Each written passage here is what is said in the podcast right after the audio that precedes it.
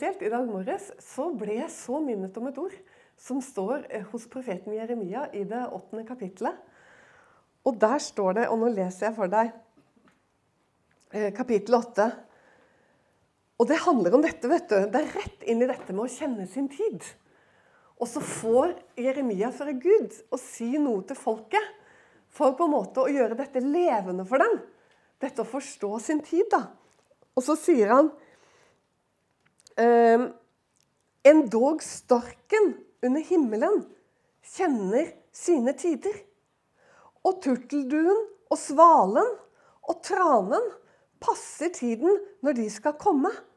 Men mitt folk kjenner ikke Og nå sier jeg Men mitt folk kjenner ikke Guds ord eller Herrens lov, som det står her. Og det er jo bare helt fantastisk når det gjelder fuglene. Altså, Og nå jeg vet ikke om dere har merket det her på Bø, men nå driver de og samler seg. Og Vi bor jo i Åskerstrand. Og hver eneste august så er det det samme som skjer. Fordi de kjenner sin tid.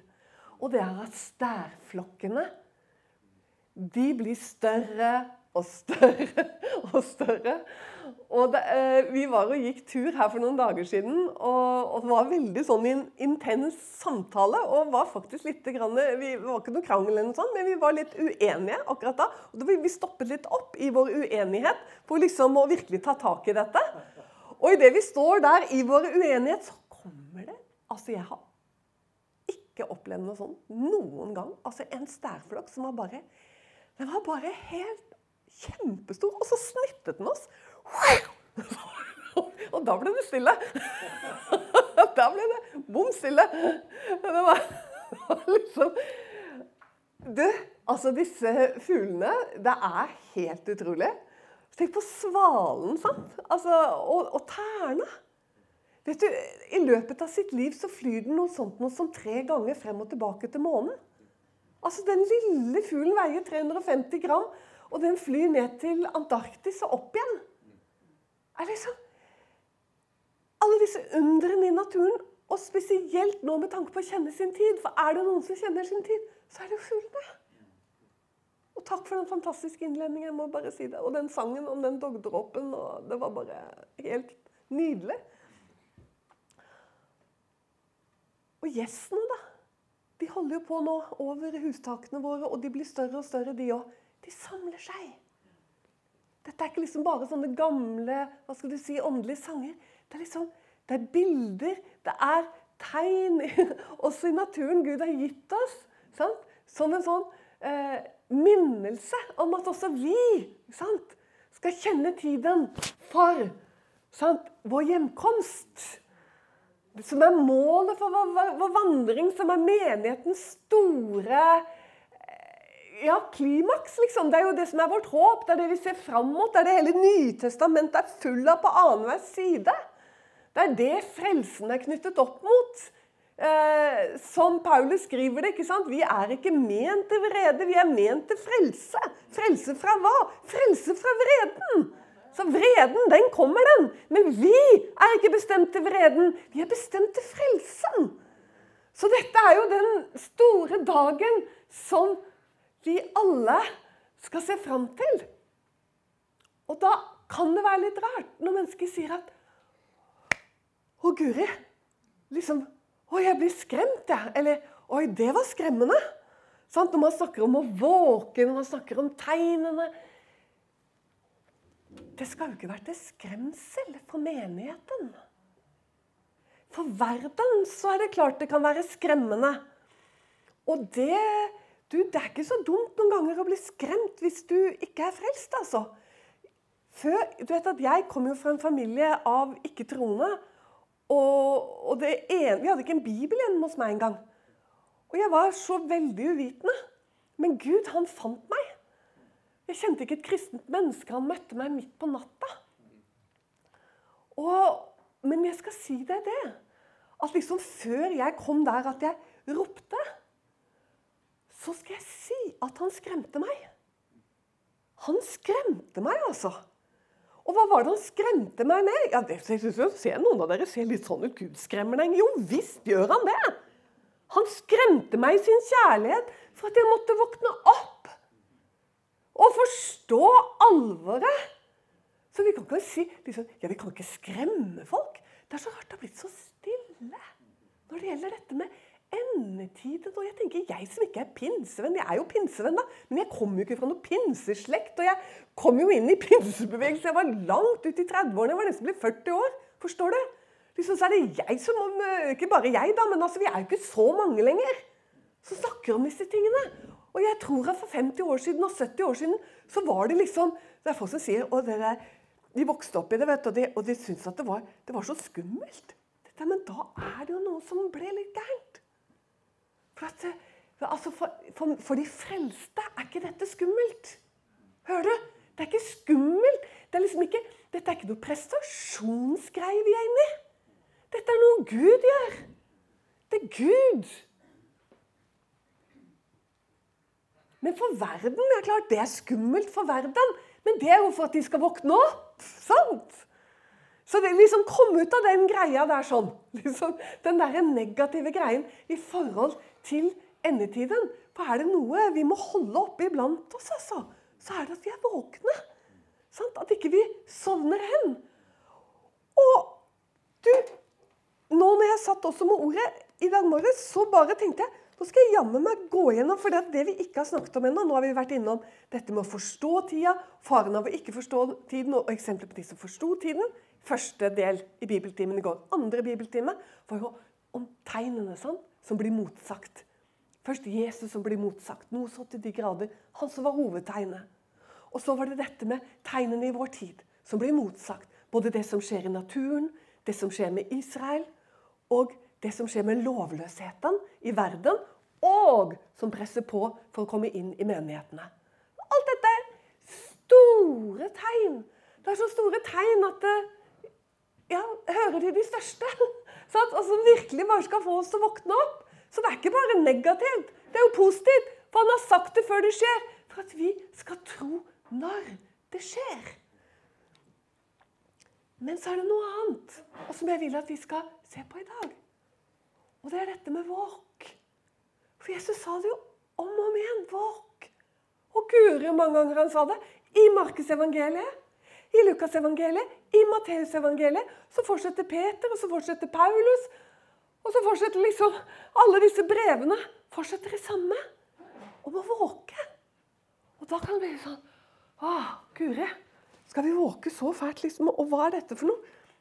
La oss gå til Peters brev og begynne der. Nå skal vi lese litt Guds ord først, og så skal vi gå videre. Bare liksom sitt og ta imot og hør hva ordet sier. Og nå går jeg til 2. Peters brev, tredje kapittel. Og der kommer Peter inn på noe, og det er ganske utrolig. I forhold til at Han levde jo for 2000 år siden.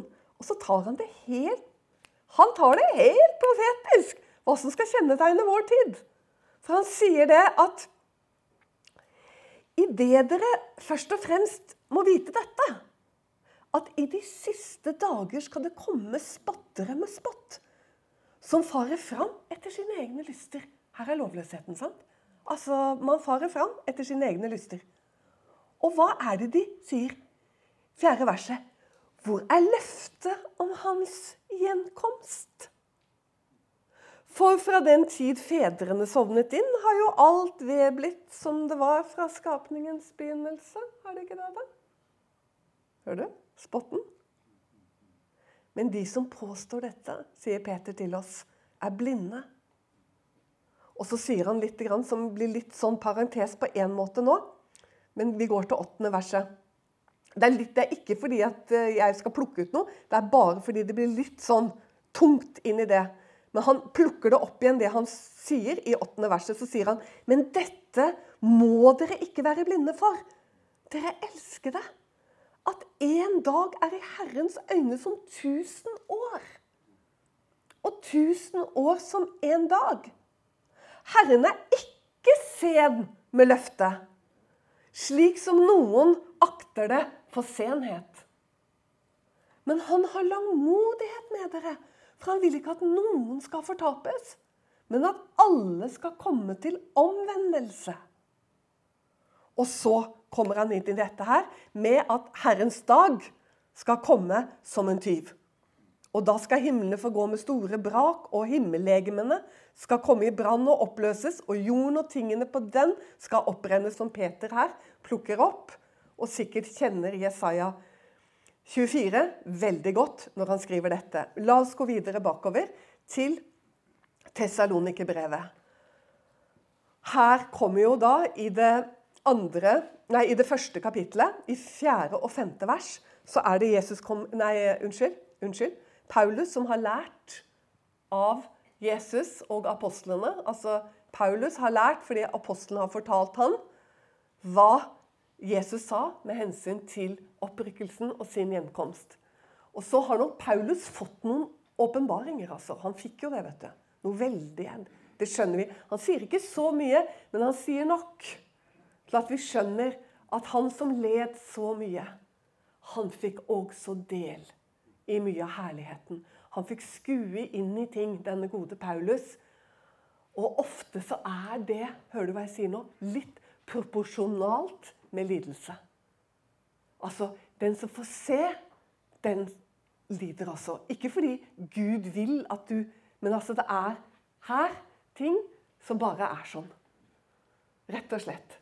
Så Paulus, han En tro uh, Han kaller seg jo også for apostel, selv om han strengt tatt i og for seg ikke er det.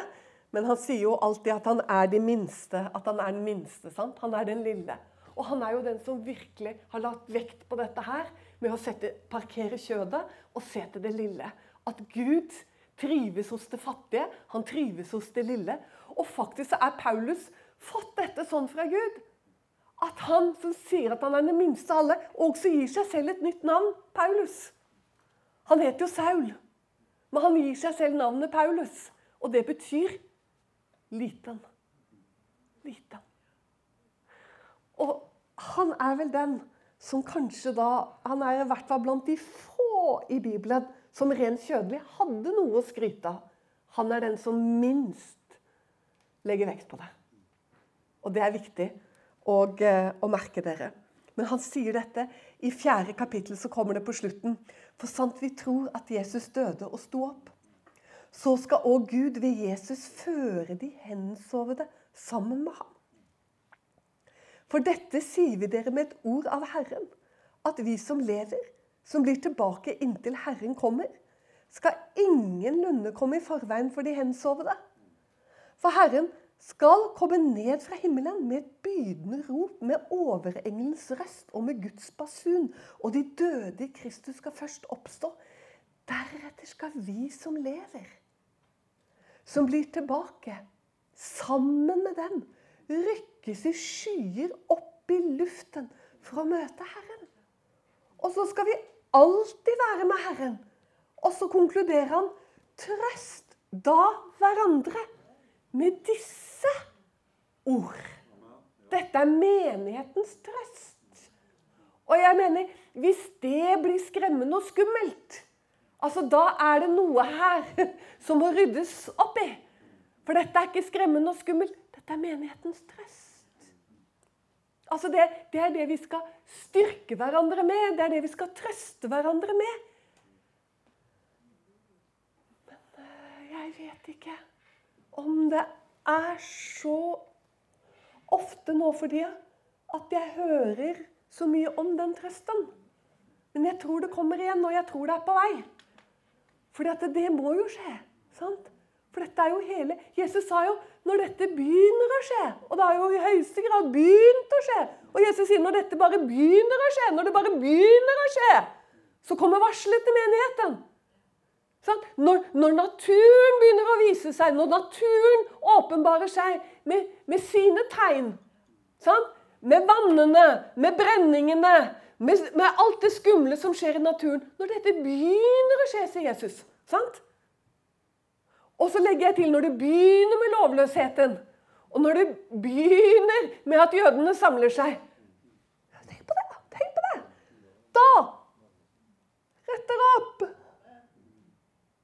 Og så sier han ikke bare 'retter opp', Det er så fint, for du kan bli sånn, vet du. For det er så veldig sånn det er de som sier sånn 'Å, det er så tungt, og det er så skummelt.' ikke sant? 'Å nei, dere, vi vil ikke høre om det der. Nei, vi vil ikke ha sånn endetidshelg.'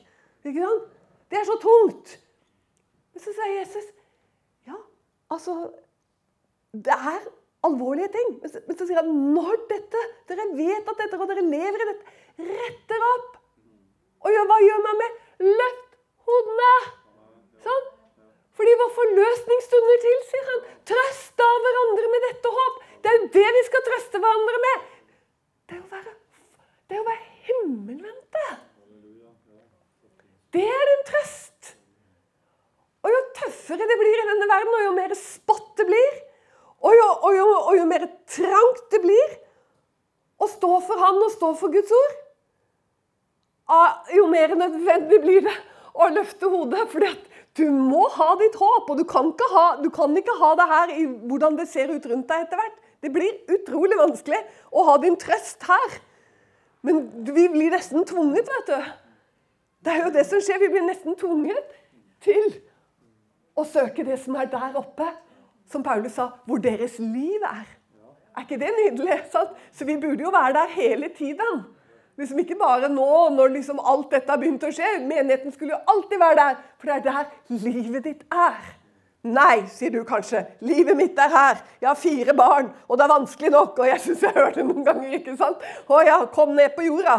sant? Jeg trenger trøst og hjelp her for denne hverdagen. Da sier jeg til deg den beste trøst og hjelp du kan få for denne hverdagen, det er å vite at ditt navn er innskrevet i livets bok. Du skjønner, Det gjør ikke deg til en fjern disippel. Det gjør ikke deg til en snåling, men det gir deg veldig gode fotformsko å gå i verden med. Du får en stødig gange. Og du er ikke så fryktelig redd lenger, fordi du har et anker bakom sky som er ganske så sterkt. Og da tåler du litt av hvert. Du blir en ganske god arbeider. Du tåler litt mer. Fordi du har et så levende håp der oppe. Og når det er levende for deg, så tåler du mye mer her. Jo mindre levende det er for menigheten, jo lettere er det å forføre oss. Og jo lettere er det å gjøre oss mismodige. Men når det er levende, ja, så lever du kanskje i et tungt ekteskap. Men er det levende. Det an å leve i det ekteskapet. Ah, ja, det gjør det. Det gjør det. Eller du har barn som har store problemer på skolen. Skikkelig tøft, og det er tungt. Du må vite hvor livet ditt er. Det er der oppe. For Jesus er der oppe, og han er ditt liv. Og derfra kommer han igjen for å hente deg, for at du skal være der oppe med han. Jeg hørte en forkynner for ikke så lenge siden, og han sa noe som jeg syntes var kjempebra. Og han sa det at det er ikke først det er ikke han som skal skifte adresse først. Det er vi som skal skifte adresse. For nå snakker man så mye om at han, sant? Guds rike skal komme, og det skal det. Og han kommer ned. Sant? Men det er ikke det som skal skje først. Det er vi som skal skifte adresse først. Det er vi som skal reise som trekkfuglene. Kos deg litt nå i høst, da, når du ser disse flokkene komme over Bø. Og så sier du deg selv snart er det min tur. Jeg kommer etter. Vi reiser mot varmere strøk. Vi reiser mot lysere strøk. Takk og pris, altså. Det er vårt håp. Og så kommer det videre i femte kapittel. Så bare fortsetter han. Du vet, Det var ikke kapitler når Paulus satt og skrev dette brevet. Og det var heller skjønner du, det var liksom, det var ett brev han sendte av gårde til tessalonikerne uten kapitler. Så han fortsetter bare å skrive nå, trøst av hverandre med disse ord. Og så sier han Men om tidene og stundene, brødre, trenger dere ikke til at noen skriver til dere. Er ikke det bra? Hvorfor det? Ja, men nå trodde jeg at det var jo akkurat det vi trengte. Så sier han Hør nå. Dere vet jo selv at Herrens dag kommer som en tyv om natten. Og nå må vi lese videre. Når de sier Det er ikke oss. Når de sier 'fred og ingen fare', da kommer en brå undergang over dem, liksom veer over den fruktsommelige. Og de skal ingen lunde unnfly. Du, det er ikke så lett for dere mannfolk å skjønne dette her. Og Det er egentlig utrolig at Paulus greide å skrive det. Far, han var ikke engang en far. Men er det noe som er sant, så er det at når veden er i gang, så kommer det til kvinnen 'Dette kommer jeg ikke unna'. Skjønner du? Altså, er det noen kvinner her som skjønner hva jeg snakker om? Det er, for det første så, du, Jeg trodde at jeg skjønte det der med å føde og sånn. fordi og når jeg kom på sykehuset, så Det var vondt, liksom. Men eh, jeg tenkte at nei, vet du hva, dette her, det, dette her Hva er maken til overdrivelse? Hæ? Dette her går da så bra. Ja da visst er det vondt, men det går da så bra. Skjønner du? Altså, Jesus bruker også fødsel. Det er vel sikkert derfor Paulus bruker det. Altså, Det er en fødsel som kommer over jorden. sant? Dette går da bra, tenkte jeg. Og så kommer jeg opp på Ullevål sykehus. Og så sier jeg ja, jeg er helt kul. Ja, så var det inn i dusjen og, og greier å klystere det ene med det andre. Så står jeg der og dusjer og småtraller, for jeg tenkte at dette, på, dette med å føde, det har jeg greie på. liksom. Det, det går så bra. Og så gikk fødselen fra ett nivå i løpet av et nu. Og så var det over på et helt annet nivå. Og jeg bare segnet inne i dusjen. Og sykesøsteren fant meg på gulvet. Sånn at, Og fra da av så, så gjaldt det bare Hør nå. Og de skal ingenlunde unnslippe. Altså Da gjaldt det bare å henge med, for da var det kroppen som tok over hele kontrollen. Fullstendig. Du visste ikke om du skulle leve eller dø, eller hva som skulle skje. Du måtte bare konsentrere deg om å puste og leve. Og det er jo dette bildet som brukes her, både av Jesus og av eh, Paulus. Ikke sant? At eh, de skal ingenlunde unnslippes. Og det som er bildet, er at når dette kommer igjennom, skjønner du, og vi er Johannes' åpenbaring, seilene brytes Det stoppes ikke. Da er vreden i gang. Da har vi reist, når vreden er i gang. Skjønner du? Trøst da hverandre når du ser alt dette begynner å dra seg til. Ser at disse tingene begynner å skje. Så, dere, må vi våke. Og nå så eh, leser vi litt videre. Men dere, brødre, er ikke mørke, så dagen skulle komme over dere som en tyv. For dere er alle lysets barn og dagens barn. Vi hører ikke natten eller mørket til. La oss derfor ikke sove som de andre, men la oss våke og være edrue. Og så hopper jeg lite grann. Men vi som hører dagen til, la oss være edrue, enda en gang sier han det, ikledd troen og kjærlighetens brynje, og med håpet om frelse som hjelm. Ser du det, du? Altså, Der ser du igjen hva frelse egentlig er. Det er frelse fra vreden. Så når noen sier at de er frelst, så betyr det bibelsk forstått at jeg er frelst fra vreden. Det er det det betyr. Fordi du er frelst fra synden. Sant? Halleluja! Er du frelst fra synden, så er du frelst fra vreden. For vreden kommer over synden. Sånn er det. Sånn at eh, frelsen Håpet om frelse som hjelm i denne tid. Så nå er det din hjelm. Trøsta hverandre med dette håp. Det er min hjelm. At vi trøster hverandre med dette håp. Og så For Gud igjen bestemte oss ikke til vrede, niende verset, men til å vinne frelse ved vår Herre Jesus Kristus. Åh, for, for fantastiske ord. Så utrolig bra. Så går vi dere til eh, Så blar vi litt bakover, og så inn i eh, evangeliene. Og da til eh, Matteusevangeliet Nei, forresten, vi tar Markus. Markusevangeliet først. Vi skal lese litt, som jeg sa i begynnelsen her. Der er Markus. Eh, 13. kapittel, 33. verset. Apropos våk. Ta dere i vare og våk. For dere vet ikke når tiden er der. Og da snakker vi dagen, ikke sant? Altså dagen. Når han kommer, når det skjer. Vi skal kjenne det snakket vi om i går, vi skal kjenne tiden, men vi vet ikke når det skjer. Ta dere i vare og våk. liksom en mann som dro utenlands og forlot sitt hus og overga sine tjenere styret, enhver etter sin gjerning, og bød dørvokteren at han skulle våke. Slik skal dere våke. For dere vet ikke når husets herre kommer. Enten det blir om aften eller ved midnatt, eller ved hanegall, eller om morgenen. Da skjønner vi det blir i hvert fall. Mens det blir i hvert fall ikke sant? Det står jo om nattevakten i Israel. Første nattevakten den begynner klokken seks om kvelden. Hvorfor det? Jo, for da blir det mørkt i Israel. Så å si alltid klokka seks. De, lever, vi er ikke et nordlig land, de er altfor nær ekvator. Klokka seks blir det mørkt. Første nattevakt seks til ni. Andre vakt, nattevakt ni til tolv. Neste vakt, natt, eh, tredje nattevakt tolv til tre.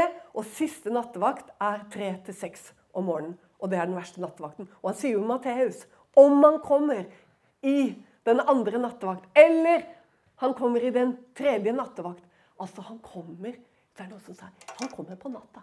Så nei, han kommer ikke nødvendigvis på natta. Det er ikke det det handler om. Men det er natt. Mørke. Ikke sant? Dekker jorden. Mulm over folkene.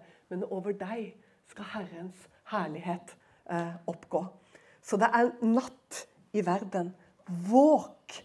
Eh, og, eh, eh og, så må vi også ta med eh, Matteus for der sier også Jesus det i det 42. verset, etter at han har fortalt at det blir som på Noas tid. Opprykkelsen og Noas tid. Opprykkelsen og Noas tid. Det er helt fantastisk. For noen tenker Noas tid ja, men det var jo så grusomt. Sant? Så må, da må det jo være lenge, lenge til. Eh, nei. Opprykkelsen og Noas tid. Våg derfor for dere vet ikke hvilken dag Deres Herre kommer. Men det skal dere vite at dersom husbonden visste hør nå, i hvilken nattevakt tyven kom, da ville han våke og ikke la noen bryte inn i sitt hus. Derfor, vær også dere rede, for menneskesønnen kommer i den time dere ikke tenker. Og det er akkurat det. Altså som en tyv om natten. Tenk deg det hvis du visste Hvis du visste at det kommer eh, I natt så kommer det innbruddstid. Du har fått vite det. Du har fått høre om bladene. Du vet at han kommer klokka halv fire om morgenen. Han kommer til din adresse. Da er du rimelig klar. altså, og det er jo bare dette bildet som brukes her i forhold til eh, å være våken. Altså, for oss skal han ikke komme som en tyv om natten, for vi våker Sånn? Vi er klare. Vi våker, dere. Være klar. Hva er det å våke? Det er å løfte sitt hode. Det er å være eh, innvidd i bønn. Du skjønner det? Paulus sa 'vær alltid bedende'. Eh, ja, men det går da virkelig ikke an å alltid være bedende. Det må, altså, Paulus sier det. 'Vær alltid bedende'. Og så har du hørt, og sier kanskje selv også, at eh, vi kan jo ikke bare be. Jeg har litt lyst til å ta litt tak i disse tingene her sånn. Fordi at det, det neste så har jeg lyst til å si at jo, vet du hva, du kan faktisk eh, Du kan alltid be. Du kan alltid være bedende. Til og med når du arbeider, uansett hvor du er, så er du bedende. Men så skal jeg si deg noe mer i forhold til det. Som vi snakket om i går, på slutten av gårsdagen. Det var dette her å få nåden og bønnens ånd. Og det er ikke noe du greier, skjønner du. Det er derfor det heter nåden og bønnens ånd. I dag så sier vi bare bønnens ånd. Men de gamle de hadde greie på det. Og de visste at det, vi, har, vi, vi, greier ikke det. Så, se nå på bønnemøtene deres. Nå aner jo ikke jeg åssen det er her i Bø. Men jeg regner med at det ligner litt på sånn som det er rundt omkring i de fleste menigheter. At det er noen trofaste bønnesjeler som kommer på de møtene der sånn. Sitter en fire-fem stykker der, kanskje. jeg vet ikke, Kanskje har dere ti. Eh, men det er sikkert det møtet hvor det ofte er færrest folk. Kanskje er det annerledes i Bø. Dere bør ikke svare på det. Men dette taler jeg av erfaring. Hva, hva er årsaken til det? Årsaken til det er at vi ikke greier det. Vi får det ikke til. Nei, men eh, du vet ikke hvor mye jeg ber. Nei, men da er du kanskje velsigna med nåden og bønnen sånn. For vi vil så gjerne få til så mye selv. Men vi greier så utrolig lite selv. Vi klarer ikke engang å sette av tid til det som Jesus har liksom oppfordret oss til som nummer én. At du våker og ber. Alltid som Guds menighet, men spesielt i de siste dager. Du må våke, du må være i bønn. Og ikke snakk om det en gang jeg blir sliten bare du prater om det. Jeg greier ikke det, vet du. Og mange dager så får jeg ikke bedt i det hele tatt. Og så er jeg kjempeglad om jeg får bedt et kvarter om kvelden, og får jeg bedt ti minutter før jeg går på jobb om morgenen, så er jeg utrolig glad for det. Og så sukker jeg kanskje litt da, sånn et par ganger i løpet av dagen. Det, det er mitt bønneliv. Ja, men det, det, er sånn det er, det. For det er det kjøttet greier. Men du skjønner, det er ikke det er ikke det Jesus har basert det på. Han sa at dere vet ikke engang hvordan dere skal be slik at det gagner seg. Han, og han sa at ikke bør dere dra ut av Jerusalem i det hele tatt ikke sant? før dere er blitt utrustet ifra oven. Vi må jo tilbake i denne avhengigheten av Gud. Så liksom det beste man gjør, da Ok, så setter vi, setter vi analysen da her i Bø. Jeg, det må dere gjøre, for jeg har ikke noe greie på Bø. Så det gjør dere. Hvordan det står det med bønnemøtene her. Så får vi bare begynne å si, da. Sånn sant det. Herre, vi får det jo ikke til. Det er jo det han vil høre. Herre, vi får det ikke til. Vi får det ikke til. Herre, jeg får det ikke til i mitt liv. Det er jo så knapt så jeg orker å be, og hver gang jeg skal be, så får jeg mye mer lyst til å skru på Dagsrevyen. Og etter Dagsrevyen så er det et annet program, og så er det noe annet jeg har lyst til å høre på. Så er det noe på radioen jeg pleier å høre på, så vil jeg ned i garasjen og holde på med bilen. Jeg får det jo ikke til. Du får ikke det til, for kjøttet får det ikke til. Du skjønner, Vi har blitt litt sånn at vi begynner å basere det på at vi skal få til så mye. Vi får ikke til noen ting. Det er jo derfor Jesus begynte sin undervisning i Matteus 5. Og så sier han det. Salig er de fattige i ånden. Det høres da ikke noe salig ut? Det er kjempesalig. For Guds rike er deres. Men poenget er at du må skjønne at du er fattig. Det som er skummelt, er at man går rundt og tror at det, liksom, ja, nå skal vi sette i gang her. Ja, i bø. nå skal det bli andre boller her. Har Dennis kommet? Nå skal vi jammen begynne å ta dere sammen her i bø. ikke sant? Og nå skal han begynne å dra opp, og nå skal det bli grei på det. Og så går det noen år, og så fikk vi det ikke til denne gangen heller. Hvor, hvor lenge skal vi handle på før vi skjønner at vi får ikke til noe som helst? Det er han som må gjøre det. Det er derfor det står 'salig er de fattige i ånden'. Altså de som skjønner Gud, det får ikke til. Og så begynner du å se hvordan det ser ut i verden, og så begynner du å få skikkelig nød for barna dine. Mye mer enn du har hatt. Mye mer nød for naboen enn du. Du visste ikke at det var mulig. Hvorfor får du det? Jo, fordi du ber til Gud. Gud, gi meg nåden og bønnen sånn. Jeg får ikke til dette, Gud. Gi meg nåden og bønnen sånn. Og du gir deg ikke. Å, Gud, gi meg nåden og bønnen sånn. Og jeg skal love deg, han kommer til å svare deg. Men det er ofte sånn der, det å få nåden og bønnen sånn, det er ikke bare enkelt heller. Sant? For Du blir litt sånn sønderknust. Og det blir mye tårer det blir litt sant, i lønnkammeret. Henger dere med meg, eller? Er dere med meg? Sitter dere og tenker at dette er kanskje ikke nødvendig? Det er derfor jeg stopper nå og tar et lite punktum, for det kommer veldig fort. Men er dette nødvendig? Vi har ikke holdt på med dette her vi de siste 15 åra. Eller kanskje er dere midt inni det? Hva vet jeg? jeg vet, det er så deilig. Jeg vet ingenting om denne menigheten her, altså. Selv om jeg har vært der i mange år. Jeg, jeg, vet, jeg vet, selvfølgelig litt hvem som går her, og litt sånn, men jeg, vet ikke noe hvordan det står til. eller noe sånt. Nå. Det er så skjønt. Salme 24. La oss gå dit. Altså Hele bergprekenen begynner sånn. Det er, det, er bare, det er, ikke bare, de fattige i ånden som er salige. Men de som hungrer, er salige. For de skal mettes. De som tørster, er salige. Fordi at de skal få drikke. Det handler om det samme. At du skjønner din status. Herre, jeg er fattig i ånden. Jeg hungrer etter rettferdighet. Sånn. Jeg trives ikke i denne verden. Sånn. Du trenger deg inn på Gud. Og du er salig, sier Jesus, for du skal få. Du skal bli mettet. Men det er bare det at vi tror Vi står på, bretter opp ermene. Nå går vi sammen, dere. Nå skal vi gjøre det sånn. Nå kjører vi den linja. Nå Sånn. Nei. På i bønn. I bønn, menighet. På kne. Og ikke begynn å være flink i bønn heller. Ikke begynn å tenke at nå skal du stå klokka fem i morgen og bli flink i bønn.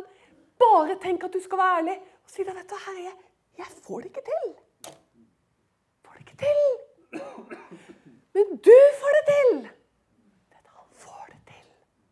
Så, Jeg tenkte litt på denne nydelige sangen her som var til innledning. Og den er jo helt nydelig, og jeg blir så glad hver gang jeg hører den. Jeg vil gjøre mitt liv til en lovsang. Men mens jeg sto der, så tenkte jeg Jeg vil og vil du, fru Blom. Sånn. Så jeg tenkte Egentlig burde den te te teksten vært Herre, gjør mitt liv til en lovsang for deg. For du skjønner, vi, Dette her 'jeg vil' det er et uvesen i Bibelen. Det er Gud som vil! Det er ikke vi som vil. Vi vil så mye. Men det er Gud som vil, og vi må høre hva Han vil. Og så må vi bøye oss og si at 'jeg får det ikke til'. Men du får det til, Gud. Og da kan alt skje. Når vi blir ydmyke. Skikkelig ydmyke. Vet du hva? Han bor i det høye og hellige, og så bor han i det sønderknuste og nedbøyde hjertet. For å gjøre de sønderknuste hjertet lever. Det har aldri oppstått en vekkelse på denne jord jeg sa det i går også, hvor det ikke har gått sønderknuselse forut. Og hva er det en sønderknuselse? Vi får det ikke til. Jeg får det ikke til. Det funker ikke. Sånn. Det er det Gud gjør. Og da er det ingen avstand lenger mellom det høye og det hellige og det sønderknuste hjertet. Det er lysår, men i det øyeblikket så er det ingen avstand. Han er der med en gang. Så det han gjør når du begynner å be om nåden og bønnen sånn, er at han begynner å sønderknuse deg. Med kjærlighet. Med kjærlighet. Du får så nød for folk. Forstår du? Så kommer bønnen. Så kommer bønnen. Og da kommer den. Da kommer den som en brann. Dette er lære, dere. Men vi må tilbake, skjønner du, for det er blitt så mye gjøre og vi. Sant? Nei, det er ikke den veien. Det er Gud. Jeg får det ikke til. Herre, vi får det ikke til. Men du får det til. Gjennom oss. Bli med til avslutningen nå, til Salme 24. Skal jeg lese en underlig liten salme for deg? Kan hende det er lenge siden du har lest den. Og jeg bare begynner i sjette verset. Dette er den ett som spør etter ham. De som søker ditt åsyn, Jakobs barn, Sela, hør nå. Løft dere, dere porter, dere hoder, og løft dere, dere evige dører. Og det er klart, Dette er jo litt sånn profetisk inn i Israel. ikke sant? Mot hele det religiøse lederskapet som først sto profeten imot. ikke sant? Sto imot de som talte Guds ord til dem. Så står de imot sønnen når sønnen kommer. Og du vet, jeg elsker det jødiske folk og Israel. Men bibelsk taler jeg nå. Dette er også sannhet. Om dem og om oss. Hører du? Kjødet står han imot. Så dette er egentlig litt sånn profetisk til dette folket. Løft dere, dere evige dører. Tenk på fariseerne ikke sant? og alle motsigelsene. Løft dere, dere hoder. Dette er kjøttet, skjønner du. Løft dere. Hva da? Hodene deres. sant? Disse dørene som stenger. Sant? Jeg holder på med mine ting. og sant? Vi får liksom fått orden på det nå. At det ikke funker liksom fått orden på det at det ikke fungerer. Og så sier han 'løft dere'. Dere evige hoder sant? som motsier og skal snakke det ned og forklare. Sant? Så sier han 'løft dere, dere hoder'. Evige dører. Åpne dere, dere porter. For hva da? La herlighetens Herre komme inn. Sant? Se at du er avhengig av Han. Herlighetens Herre, menighet. Vi er helt avhengig av Han. Og da må våre hoder, og våre dører og våre porter og stengsler de må opp, og de må bøye seg. Og så må man ned på kne og bli ydmyk og si 'Vi får det ikke til. Jeg får det ikke til.' Men du får det til. Herlighetens Herre. Kom over bøyen. Kom over Soar igjen. Herlighetens Herre. Over en sønderknust forsamling som ikke får det til, men som kjenner sin Gud og vet å gi sin menighet mat i rette tid. For det vet han Han vet å gi deg mat i rette tid. Å, jeg blir litt sånn. Blir, ja, jeg, man blir jo litt snål av å stå her. Men det er fordi jeg står jo ikke og forteller eventyr. Jeg står og taler Guds ord. Sant? Salige igjen er de fattige i ånden. Så her sitter det kanskje noen og gir det jeg sier, rett over sitt liv. At ja, det er sånn.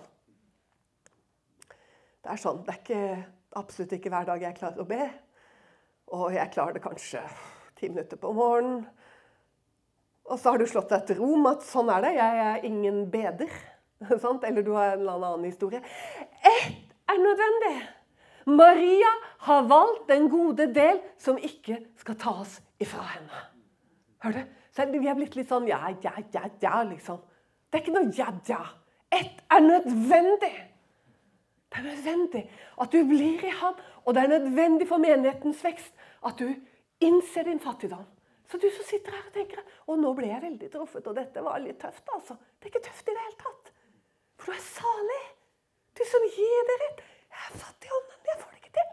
Salig. Du hører hva du, jeg vet ikke om du har hørt det før. Du er salig, du som ikke får det til. Der hvor det ikke fungerer, du er salig.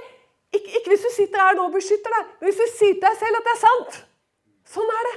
Du er salig fordi Guds rike tilhører deg. Sant? Han får det til. Når du sier 'Jeg får det ikke til'. Jeg får det ikke til. Men skynd deg i denne tid og si det til han, For du skjønner det. Det står noe at kjærligheten blir kald i den siste tid. Og man plutselig så har man på en eller annen måte lært seg selv at det, det, er liksom helt greit. Og alt er jo Jeg har jo alt jeg trenger, og alt er jo egentlig på stell og sånn. Det kommer ingen vei. Det blir ikke noe liv. Det kommer ikke noe ut av det. Men der kommer noe ut av det, det er Gud, du får det til. Halleluja. Kjøttet får ikke til å be, vet du. Hva er det vi holder på med? Sant? Det er jo derfor det er så få folk på bønnemøtene. For det, det, man går i egen kraft. Sant? Jeg orker ikke å gå på bønnemøte, og ikke er jeg noe god på å be heller. Og skal jeg bare sitte der, da, og så skal de andre be, liksom? Hva er vitsen å gå på bønnemøte? Jeg er totalt misforstått. Du må få nåden og bønnen sånn. Du må få det fra Han. Og da skal det bli annerledes på bønnemøtene, da. Åh, når de fattige ånden har skjønt at Guds rike er deres. Takk og lov. Jesus. Og la oss reise oss opp litt. Stå med oss økonomisk og i bønn. Du finner oss på utentvil.com.